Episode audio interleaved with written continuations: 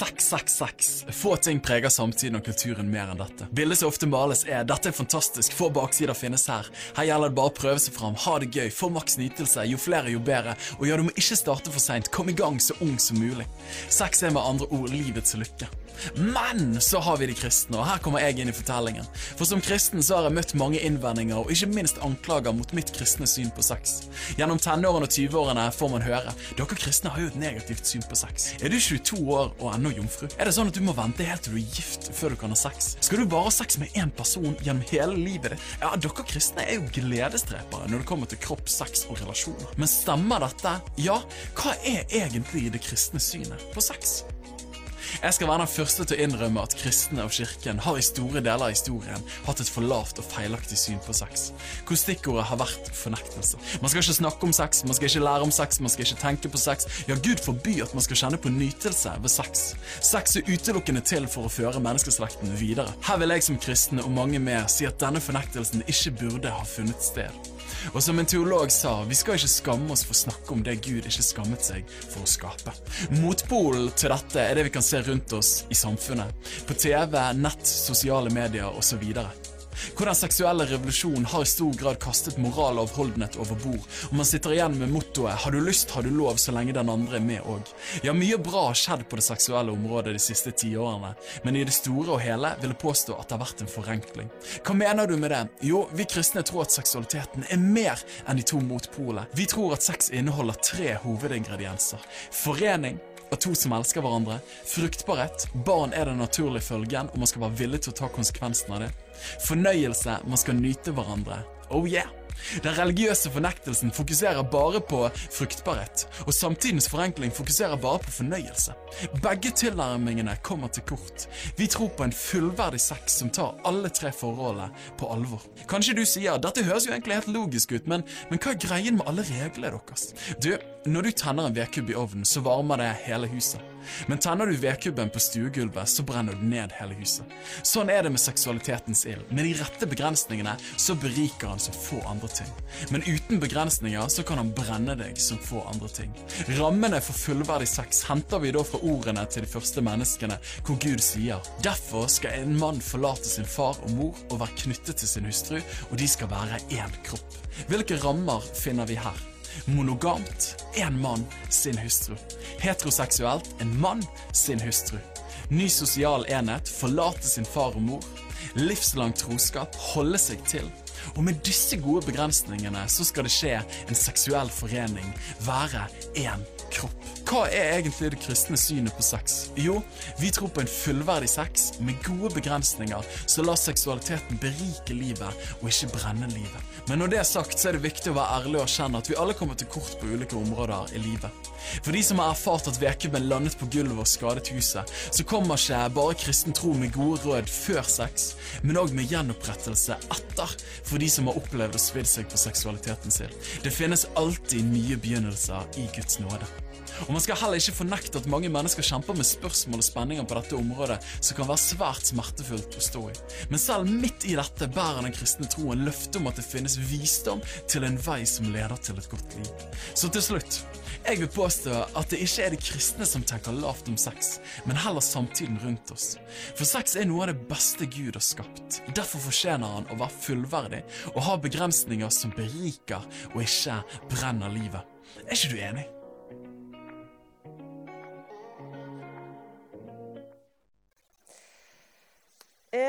Som min kollega her, Daniel Serviansen, sier i denne introfilmen, så tenker veldig mange i dag at kristen seksualmoral det hører fortiden til. Og at det kristne synet på sex det er gledesdrepende og negativt. Det håper jeg å kunne motbevise i dag. Eh, for jeg tror nemlig at mennesker innerst inne lengter etter en bedre historie om seksualitet enn den historien som samfunnet presenterer for oss. Og for å kunne forstå samfunnet sitt syn på sex så må vi ta en tur innom den seksuelle revolusjonen som Daniel også nevnte i denne filmen, eh, som har vært med på å forme dagens syn på sex. Før vi dykker ned i denne bedre historien eh, om seksualitet Og jeg tror at det er en historie som trenger å fortelles mer enn noen gang. Både i kirka, men også i resten av samfunnet.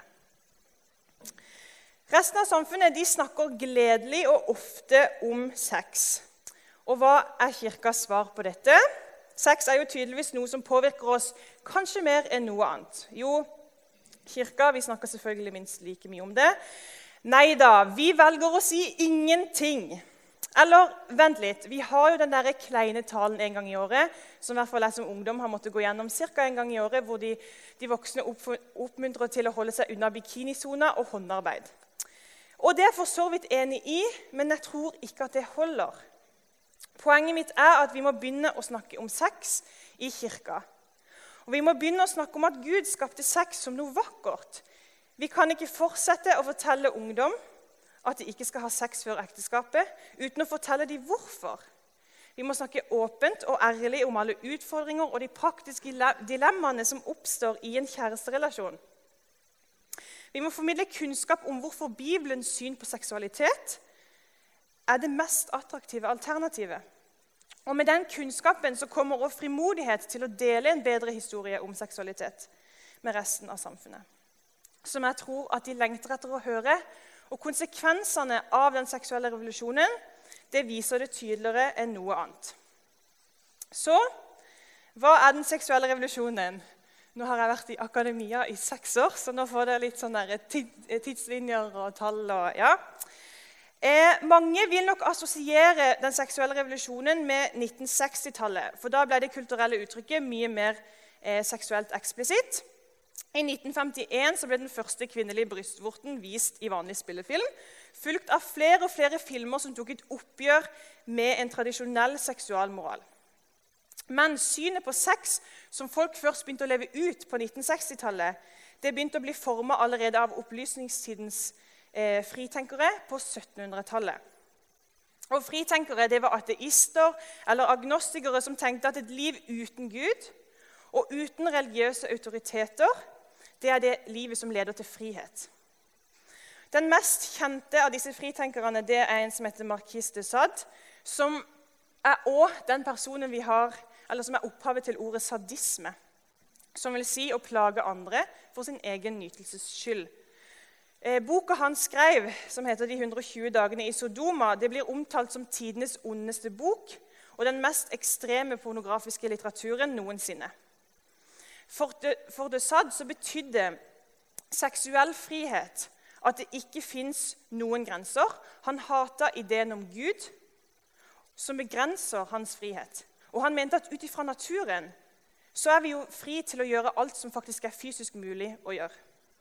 Så her starta det ropet etter en seksualitet som er fri fra all moral. Og Seint på 1800-tallet så ble sexologi et vitenskapelig forskningsområde. Samtidig vokste det fram en tanke om at veien til kjærlighet det går gjennom kropper som forenes, og at vår frihet vokser når vi tør å velge naturen i stedet for anstendigheten. Og Det tidlige 1900-tallet var preg av fri kjærlighet og et rasjonelt syn på sex. Og I 1936 så publiserte Wilhelm Reich, en østerrik, østerriksk psykoanalytiker, en bok som het 'Den seksuelle revolusjonen'. Så Han sies å ha forutsett og lagt til rette for den seksuelle revolusjonen som kom på 60-tallet. Bl.a. med utsagn som at kjernen i livslykken er den seksuelle lykken. Nytelse ved å leve og nytelse ved å få orgasme er samme sak. På 60-tallet ble det praktisk mulig å leve ut denne seksuelle lykken da p-pillen kom på det norske markedet i 1967. og P-pillen ble på denne måten symbolet på den seksuelle revolusjonen og kvinnens seksuelle frigjøring. For det gjorde det jo mulig, særlig for kvinner, å ha sex kun fordi man hadde lyst. Og Siden 60-tallet har den seksuelle frigjøringa spredt seg til store deler av folket, spesielt gjennom medier og populærkultur. Men hvilket syn på seksualitet sitter vi igjen med etter den seksuelle revolusjonen? Hatet mot kirka og mot en gud som begrenser vår frihet, ble utgangspunktet for de Sads tanke om at frihet er et liv uten Gud og Guds rammer for livet. Denne radikale friheten innebærer altså at det ikke fins noen grenser, og alt er lov. I dag så lever vi i et samfunn hvor frihet handler om at jeg må få gjøre hva jeg vil, når jeg vil, hvor jeg vil, med hvem jeg vil. Og når det ikke lenger er skaperen som tilbes, så vil vi som mennesker vi vil lete etter noe, noe blant det skapte å tilbe. Med andre ord, Når det ikke fins en gud, så vil livet mangle mening. Og vi vil som mennesker begynne å lete etter mening andre steder. Vi vil lete etter mening i det skapte, i naturen, i biologien. Og hva er vel mer spennende og lengselsfullt enn seksualiteten vår? Søken etter meninga i livet, søken etter livslykken, det blir gjennom seksualiteten. Og nytelse det blir målet for vår eksistens. Og Ser vi på de vestlige velferdsstatene i verden i dag, så, så oppfattes nettopp seksualiteten som en forutsetning for livskvalitet, og ikke minst som en rettighet. Men hva har dette synet på seksualitet gjort med oss? Jo, eh, det har gitt oss mye mer kunnskap og åpenhet rundt seksualitet og tatt bort mye av skammen knytta til seksuell lyst. Og det tror jeg har ført med seg mye godt. Men prisen vi som enkeltmennesker og som samfunn betaler for en frihet uten grenser, den er veldig, veldig høy. Og det viser norsk statistikk for ulike områder knytta til seksualitet, bl.a. skilsmisser, aborter, kjønnssykdommer, utroskap, sexkjøp, seksuell vold, mangel på samtykke, psykiske lidelser, ødelagte selvbilder og en seksualitet definert av pornografi. Dette er områder som veldig ofte trekkes fram som symptomer hver for seg, og som samfunnet selvfølgelig ønsker å finne en rask løsning på. Vi vil jo ikke ha det sånn. Og Mange vil være enig i at symptomene eh, kan også knyttes til den seksuelle frigjøringa hver for seg. Men hva om alle symptomene henger sammen? I så fall så er vi vitne til en seksuell frigjøring som har gjort alt annet enn å sette folk i frihet. På Veritas-konferansen i år så holdt jeg et lignende foredrag. og Da gikk jeg gjennom liksom, all statistikk for disse ulike områdene. Eh, det skal dere slippe nå. Jeg får ikke tid til å gå gjennom det, men det er verdt å høre hvis man på en måte vil se at det jeg sier, er sant. så jeg tenkte at jeg skal bare liksom kjøre raskt gjennom hva som er liksom kostnadene i tall, så derfor holder dere fast. Halvparten av alle ekteskap går i oppløsning. Nesten 12 000 svangerskapsavbrudd eller aborter ble utført i 2019. Det har aldri blitt diagnostisert så mange tilfeller av klamydia som i fjor. Blant par som søker hjelp gjennom parterapi, så sliter 62% med psykiske problemer som følge av utroskap. Det har aldri vært enklere og mer attraktivt å tjene penger på kropp og sex. All kriminalitet går ned, bortsett fra seksuallovbrudd som skyter i været. Og gjerningspersonene blir yngre og yngre, gjerne langt under 18 år. Blant norske 20-29-åringer har 42% av kvinner og 15% av menn hatt ufrivillig sex én eller flere ganger. Allerede i VG3 har 14% av guttene og 33% av jentene mange psykiske plager. Andelen som opplever ensomhet, er den høyeste som noen gang er registrert. 43% kvinner oppgir at de er redde for å bli sammenlignet med andre under sex. Dette er altså prisen vi betaler for vår seksuelle frihet. Og da har vi enda ikke snakka om pornografi. Den seksuelle revolusjonen den, eh, har bidratt til en sånn avpersonifisering av sex. Det spiller ingen rolle hvem jeg har sex med. Det viktigste er at jeg får ha sex når jeg vil, og hvor jeg vil. Noe som får sitt tydeligste uttrykk i pornografien. Der er mennesker redusert til objekter for min nytelse og når jeg er lei, så kan jeg finne et nytt nytelsesobjekt. Og Pornografien det påvirker oss på så mange negative måter. Eh, som også er et foredrag i seg selv, og det er dette ungdommene fikk høre i går. Eh, der gikk vi også liksom gjennom all statistikk og tall og forskning som viser hvor destruktivt pornografi egentlig er. Eh, men oppsummert så handler eh, eller så skaper pornografi bl.a. avhengighet, impotens, Urealistiske forventninger til sex, objektivisering, sexpress, umenneskelig kroppspress, en seksualisert ungdomskultur. Eh, hvor grenser for hva som er ok, de viskes helt ut. I tillegg så holder pornografien hjulene i gang på menneskehandel. Og eh, pornobransjen tjener penger på utnyttelse og overgrep. Det som kanskje er det skumleste med disse konsekvensene, er hvordan det påvirker ungdommene våre. Ifølge Redd Barna sin rapport som kom i mai i år, så har de snakka med ungdom i hele landet for å høre hva de selv sier om hvordan porno påvirker dem. Og Der sier ungdommene at de gir et skada bilde av hvordan sex er. Eller som en gutt på 16 sier jeg har jo veldig lyst til å prøve det på ekte. Både binde fast og dominere en jente, se på at hun sliter med å komme seg fri, er redd osv. Fordi det er akkurat dette man ser i pornografien. Realiteten er at mange, spesielt gutter og menn, har et forhold til porno. Dette er tall for norske ungdommer i dag. Her ser man at eh, ja, Når de er 13-14, så har halvparten av guttene mest sannsynlig sett porno, og en tiendedel av jentene. Når man blir 17-18, så har ni av ti gutter sett porno på nett, mot 40% av jentene. Og jeg, det kan være, jeg gjetter litt nå, for vi har ikke tall hvordan dette står til i menigheter i Norge. Eh, men jeg vil kanskje tippe at det ser ganske likt ut i norske menigheter i dag. Og kostnadene de betales av denne seksuelle revolusjonen de betales fra tidlig alder. Fordi rett halvparten, nei, rett over halvparten av elever på videregående har hatt samleie. Nordmenn begynner tidlig å ha sex, og vi har veldig mye tilfeldig sex. Noe som disse her avisutklippene viser. Um, personer rundt 20-årsalderen har i dag har i gjennomsnitt flere sexpartnere per år enn hva tilsvarende aldersgruppe på 60-tallet hadde i løpet av et helt liv. Men mer betyr nødvendigvis ikke bedre. En artikkel fra The Atlantic skriver om «Why are young people having so little sex?» og konkluderer med at vanlige unge voksne i dag har mindre sex enn hva den tilsvarende aldersgruppa hadde i tidligere generasjoner. Så vi har mer tilfeldig sex, vi har flere sexpartnere, men vi har òg mindre glede av sex. Eh, Carl R. Truman han sier det på denne måten This is somewhat ironic. The age which denies any real significance to sex also wants to argue that the sexual desires are of paramount importance to personal identity and fulfillment. Stefan Gustafsson han sier det sånn Den seksuelle revolusjonen har ødelagt det som skulle settes fri.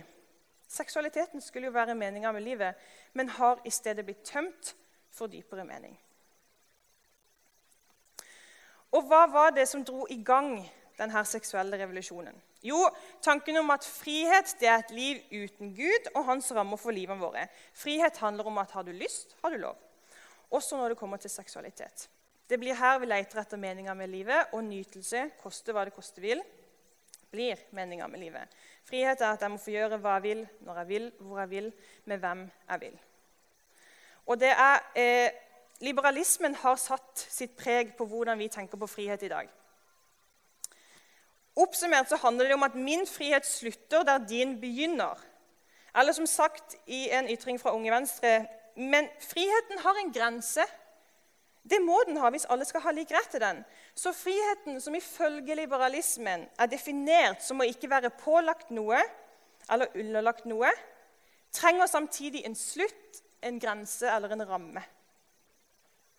Men hvor skal denne grensa gå, og hva når det kommer til seksualiteten? Det blir problematisk når mennesker med sin subjektive moral skal sette en objektiv grense. Og hvem kan ærlig påstå at vi gjennom den seksuelle revolusjonen har kommet fram til et sunt og konsekvent syn på seksualitet? Og er virkelig dagens syn på sex eh, en frigjøring av seksualiteten? Jeg tror at eh, fri flyt av sex og alkohol som samfunnet lever for i dag, det er en imitasjon av ekte frihet. Det er et rop om hjelp til å finne seg selv, bli akseptert som vi er, i trygge relasjoner og finne en mening med livet. Det er altså en søken etter frihet, men av feil utgave og på feil sted.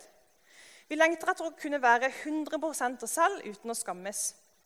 Alkoholen hjelper når det kommer til det å tørre å være seg sjøl, men den påfører også mye angst og skam. Sex er en måte å få anerkjennelse og overbevise seg selv om at man er digg nok eller strekker til, i tillegg til å gi en form for tilhørighet der og da. Men nytelse og sex uten forpliktelse fører til tomhet. Og jeg tror at ingenting rokker mer med identiteten vår enn seksualiteten vår. Og Derfor tror jeg òg at Gud visste veldig godt hva han holdt på med da han skapte seksualiteten til å leves ut innenfor visse rammer, nemlig ekteskapet. Det blir kaotisk når mennesker skal avgjøre hvor grensene skal gå, for vi styres jo i bunn og grunn av vår egoisme. Likevel så lengter vi etter en form for rammer. Problemet er at vi leter på feil sted. Og hvis vi skal finne ut av hvordan vi best tar vare på et produkt som vi har skaffa oss, så leser vi bruksanvisninga som følger med. Du sjekker ut hva skaperen bak produktet selv anbefaler, og vi har en bruksanvisning når det kommer til seksualiteten vår, og den finner vi i Bibelen. Og der, der finner vi historien om en Gud som skapte oss med en lengsel etter å bli akseptert for akkurat den vi er. En lengsel etter dype og trygge relasjoner med andre mennesker, og en lengsel etter en dypere mening med livet. Samtidig så er Gud selv svaret på alle disse lengslene. Foran en allmektig Gud så blir vi virkelig blottlagt. Der står vi nakne. Men vi blir også akseptert og elska ubetinga, uavhengig av hva vi har gjort og ikke gjort. Å elske ubetinga er noe vi kan få lov til å strekke oss etter og ta med inn i relasjonene våre.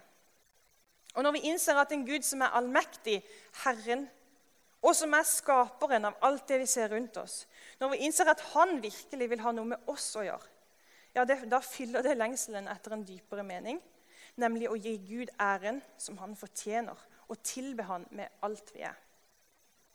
Og å bli akseptert på tross av sine feil og mangler skaper en takknemlighet og hengivenhet både til Gud og mennesker.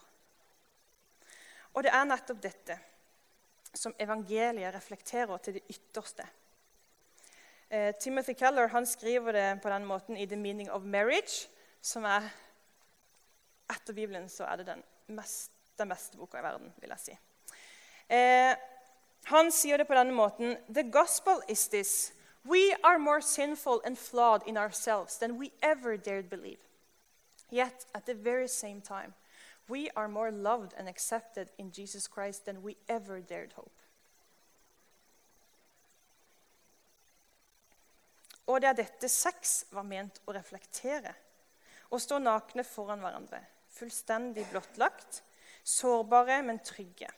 Trygg på at man er fin nok, digg nok, at man strekker til, og at den andre virkelig tar imot hele meg. Alt det er mine feil og mangler, men samtidig elsker meg for nettopp den jeg er. Trygg på at den andre blir. Uansett hvor dårlig man skulle være i senga. Og Denne formen for intimitet og sårbarhet det trenger en ramme skal det kunne blomstre for fullt. og Derfor ga Gud oss ekteskapet som rammen for sex. Ekteskapen er rammen som skaper et sted for å være 100% seg selv uten å skammes, eller som Gud selv definerer det i Bibelen. Derfor skal mannen forlate sin far og sin mor og holde fast ved sin kvinne. Og de to skal være én kropp. Begge var nakne, både mannen og kvinnen, og de skammet seg ikke for hverandre. Fritenkerne under opplysningstida de løper bort fra Gud på leiting etter frihet.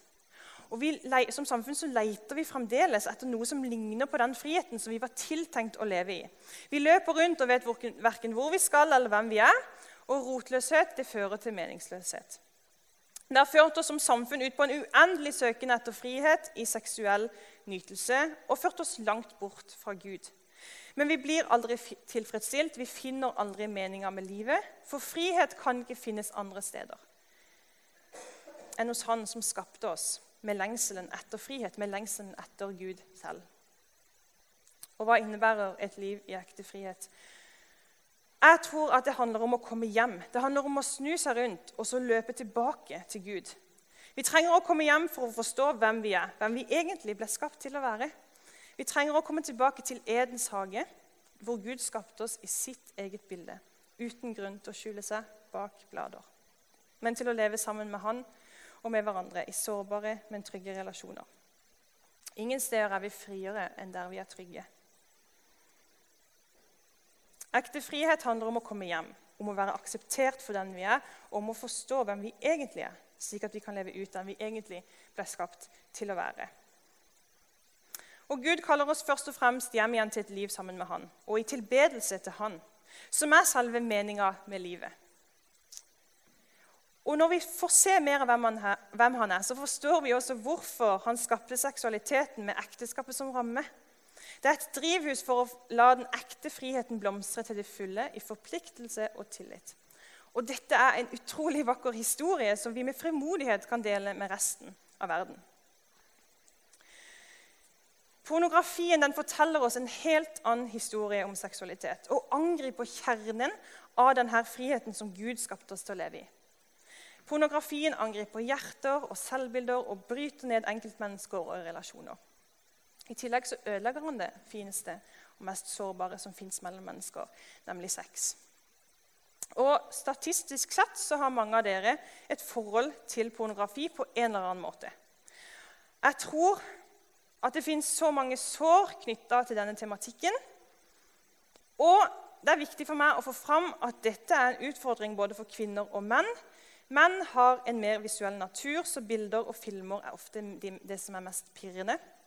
For kvinner kan pornografien ofte se ut som, en, som erotisk litteratur som det er lett å leve seg inn i, med eh, både tanker og følelser. Noe jeg opplever som enda mer tabubelagt, spesielt i kirka. Derfor er det på tide at vi begynner å snakke om dette, så vi kan hjelpe hverandre. Kirka er nødt til å være et sted hvor mennesker kan bli akseptert sånn som vi er, men òg et sted hvor mennesker blir satt fri igjen. Da må vi tørre å sette ord på hva porno gjør med oss, og tørre å snakke om sex som noe vakkert. Og I Helt friarbeidet i Tro og Media, hvor jeg jobber sammen med Alexis Lund, eh, så ja, eller Han har jo jobbet med den tematikken i mange flere år enn meg og har lagd et nettkurs som ligger på heltfri.net for de som ønsker hjelp til å komme seg ut av sin pornobruk. Og Når vi snakker om hvordan blir man fri fra porno, så presenterer vi tre punkter. Så veldig kort handler det om å bekjenne, ta ansvar for din egen pornobruk og tenke over hvem vil jeg være. Bli holdt ansvarlig. La noen stille de ubehagelige spørsmålene. Bryt mønsteret. Når oppsøker du det? Og hvorfor oppsøker du det? Der handler det om å fjerne tilgangen. Og når det kommer til ansvarliggjøring, så vil jeg anbefale at det ikke er en kjæreste eller en ektefelle, men noen utenfor som begge har tillit til. Som kan være den som spør hvordan det går. Da kan jeg anbefale å bruke xxxchurch.com, som er en kirke i USA som hjelper folk som er avhengige av pornografi og vil ut av det. De har et system som, du, som gjør at eh, alle dine ja, tekniske duppedingser, PC og mobil, de har et filter så hver gang man går inn på en side som virker litt sånn sketchy, så får denne ansvarlighetspersonen en mail i uka eller annenhver uke. Eh, og så kan man da ta opp eh, liksom, hvorfor, hvorfor, var du inne her? Noen ganger er det en VG-artikkel med et litt drøyt bilde. Men da, man, da, vet man at dette blir tatt tak i. Og det gir en trygghet både for den som eh, står i en pornobruk, og andre som er involvert i den relasjonen. Covenanteyes.com eh, er et program som gir oversikt over eh, altså gir, ja, Du får tilgang til loggen på alle enheter som er knytta til et nettverk. Så Den anbefales å bruke i, ja, som foreldre hvis man vil ha kontroll på hva barna er inne på. Og Når det kommer til det å bryte mønsteret, så er noen helt konkrete tips å ikke ha skjermer tilgjengelig på soverom, spesielt ikke telefon i senga. Kanskje må man fjerne VG eller Instagram-appen hvis man har det. Det kan også være lurt å ha en kode for å laste ned nye apper. Som en som du stoler på og sitter på. Og det her handler det om å fjerne tilgangen og unngå å sette seg sjøl i de situasjonene hvor man er mer sårbar for å oppsøke pornografi. Og så har jeg òg veldig tro på å få profesjonell hjelp og gå til roten av problemet. Hva er det egentlig som får deg til å oppsøke pornografi? Og så er det også viktig å få fram at Dersom man liksom har tatt et valg om at jeg skal bli helt pornofri, så betyr det ikke at man kom, ikke kommer til å snuble på veien. Men da er det så viktig at man reiser seg og fortsetter framover. Det kan kanskje føles som at man er tilbake på startstreken, og at liksom, åh, da kan det bare være det samme. Nå kan jeg gjerne, like gjerne bli her i grøfta for når jeg starter på nytt uansett. Men nei, du har bare snubla så reis deg opp igjen og fortsett der du falt. Og Hvert skritt, hver time, hver uke, hver måned, hvert år er en seier uavhengig av hvor mange ganger du faller på veien. Gud visste hva han holdt på med da han skapte sex for å høre til i ekteskapet. Det handler om å si ja til så utrolig mye mer enn man sier nei til. Og dette bekrefter konsekvensene av den seksuelle revolusjonen. Nytelse og sex uten forpliktelse det fører til tomhet. Og Bibelen er alt annet enn sexfiendtlig. I Salomos eh, høysang finner vi kropper som skjelver, lepper som fuktes, og det drypper bokstavelig talt av lyst. Men i motsetning til pornografiens objektivisering og den seksuelle revolusjonens fokus på meg og min nytelse, så handler høysangen om intimitet og kjærlighet i dypeste mening. Å høre sammen med et annet menneske og være nakne sammen, men uten å skammes. Å kjenne og være kjent og hvordan sex var ment å handle om den andre. Og bare for å vise at jeg snakker sant, så har vi noen sitater fra Høysangen. Så vakker du er, min elskede, så vakker du er. Hans merke over meg er kjærlighet. Min kjæreste er min, og jeg er hans. Alt hos deg er vakkert, min elskede. Du er uten feil. Alt ved ham gir glede. Så vakker og så søt du er, du som jeg elsker, full av vellyst. Tim Keller han sier det på denne måten. We came to realize that orgasm is great, especially climaxing together. But the awe, the wonder, the safety, and the joy of just being one is stirring and stunning even without that. And we stopped trying to perform and just started trying to simply love one another in sex. Uh, things started to move ahead. We stopped worrying about our performance and we stopped worrying about what we were getting and started to say, well, what can we do just to give something to the other. Og så forstår jeg at dere har liksom dykka ned i bergprekenen i høst. Og Der har jo Jesus noen eh, ganske så tydelige formuleringer når det kommer til ekteskapet. Eh, dere har hørt det jeg har sagt, du skal ikke bryte ekteskapet. Men jeg sier dere, den som ser på en kvinne for å begjære henne, har allerede begått ekteskapsbrudd med henne i sitt hjerte.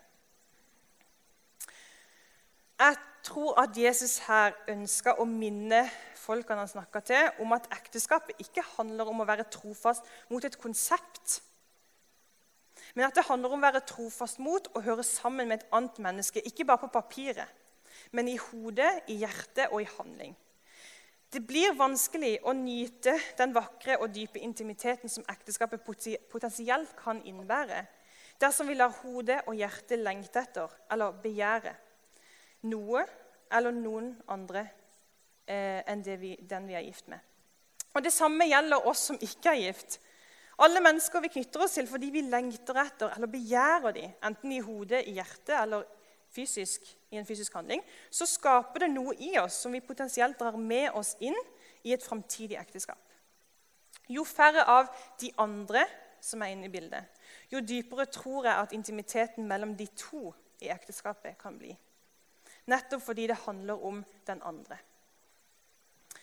Så jeg tror rett og slett at Jesus her i bergprekenen slår et slag for de tankene Gud hadde om ekteskapet helt fra starten av.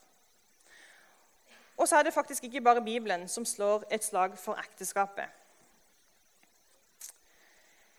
Eh, verdens fremste samlivsforskere de sier nemlig dette. Å finne den rette og forplikte seg er det som kreves for at et forhold skal vare. Din jobb er bare å sørge for at hun føler seg trygg og elsket.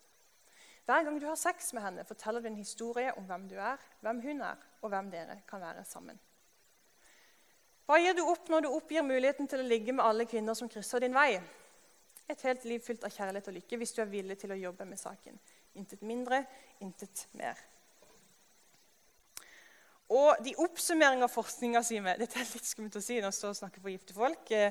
Eh, for jeg vet egentlig ikke hva jeg snakker om. Men ifølge forskninga så eh, Gifte menn har mer og bedre sex, er lykkeligere, sunnere, lever i snitt åtte år lengre, tjener mer penger og er friskere. Så tenker jeg det høres ut som en gavepakke. Um, så til slutt så er det viktig for meg å få fram at eh, vi alle sammen sitter på noen erfaringer knytta til seksualitet. Og jeg har selv brukt lang tid på å forstå at nåden gjelder meg òg. Gud tilgir meg, og han tilgir det, uansett hva vi har gjort. Og I kirka så kan man få inntrykk av at pornografi eller sex før ekteskapet er det verste man kan rote seg borti. Men hva med baksnakking eller hvordan man bruker pengene sine? Eller hva med timevis med scrolling på sosiale medier hvor vi sammenligner oss eller begjærer andres glansbilder? Vi er alle syndere. Vi har bare lettere for å peke på noen ting framfor andre ting. Og som jeg sa tidligere, så er det så viktig å få fram at dersom man har tatt et valg om å bli pornofri, så betyr det ikke at man aldri kommer til å snuble på veien. Men dette gjelder, i livet, det gjelder liksom generelt i livet som etterfølger av Jesus. Selv om vi tar et bevisst valg om å følge han, uansett hva, så kommer vi til å snuble på veien. Men husk, du har bare snubla. Du er ikke tilbake på startstreken. Så reis deg opp igjen og fortsett der du falt. Og Uansett hvor mange ganger vi snubler på veien, så står Jesus med åpne armer. Og det eneste han har lyst til å gjøre, er å omfavne oss. Og Det er dette som er nåden. Nåden er ikke et konsept eller et begrep. Nåden er Jesus, personen Jesus som står med åpne armer hver gang vi snubler. Og så er det aldri for seint å velge annerledes og velge en bedre historie om seksualitet. Hjernen vår er utrolig fascinerende. I tillegg er den formbar. Altså er det aldri for seint å skape nye vaner eller faktisk ny, fysisk nye stier i hjernen. Selv om pornovaner setter dype spor, så er det mulig å viske de helt eller delvis ut med tiden som hjelp, og ikke minst med Gud som hjelp. Hver gang vi bruker en sti i hjernen, så forsterkes stien akkurat som en snarvei over plenen. På samme måte så forsvinner en sti gradvis dersom den ikke blir brukt. De nye stiene og dermed vanene kan vi være med å forme ved å tenke over hvem vi vil være, og ved å omfavne den bedre historien om seksualitet. Hva er det vi sier ja til? Eh, Lovsangsteamet kan eh, bare begynne å komme opp. For Helt til slutt så vil jeg dele en historie om en ny venn som jeg fikk i høst. Han ønska å treffe meg for å fortelle sin historie. Det viste seg at han som 13-åring hadde begynt å se på helt uskyldig pornografi, men at det med årene dro han inn i en pornoavhengighet, spesielt til porno som involverer barn. Han prøvde lenge å komme seg ut av det på egen hånd, men det endte opp med at politiet en dag sto på døra, og han ble dømt til fengsel for besittelse av overgrepsmateriale av barn. Han sona straffen og kom ut igjen, men fikk ingen oppfølging for sin pornoavhengighet. Han prøvde så godt han kunne å unngå pornografien, og han ble også kjent med Jesus på veien og tok imot han. Men en avhengighet sitter dypt. Og Da jeg først møtte han, så hadde han nettopp kommet ut av fengsel for andre gang. Igjen å ha blitt dømt for besittelse av overgrepsmateriale av barn. Det kosta han mye å fortelle historien. Og Da han var ferdig, kjente jeg på en sånn enorm sorg i hjertet men òg en sånn takknemlighet over å få høre hans historie. Det var ingenting i meg som kjente på forakt eller fordømmelse. Det eneste jeg hadde lyst til, var å gi han en lang klem. Og Jeg har fått lov til å fortelle dette nettopp fordi han ønsker om å advare om hvor ødeleggende pornografi er, og hvordan det holder folk i fangenskap når vi ikke får det frem i lyset, når vi ikke snakker om det. Han har selv kone og barn. Og Hans pornoavhengighet har ødelagt så mye for både han og familien. Men de kjemper sammen dag for dag med Jesus på laget. Og Så vil jeg oppsummere historien, den bedre historien som vi nå har snakka om. Eh, og Dette gjelder alle, uansett hvor langt inn i en avhengighet man eventuelt sitter, og hvilke erfaringer vi sitter på. Skam er ikke din identitet, ikke din fortelling, ikke din framtid.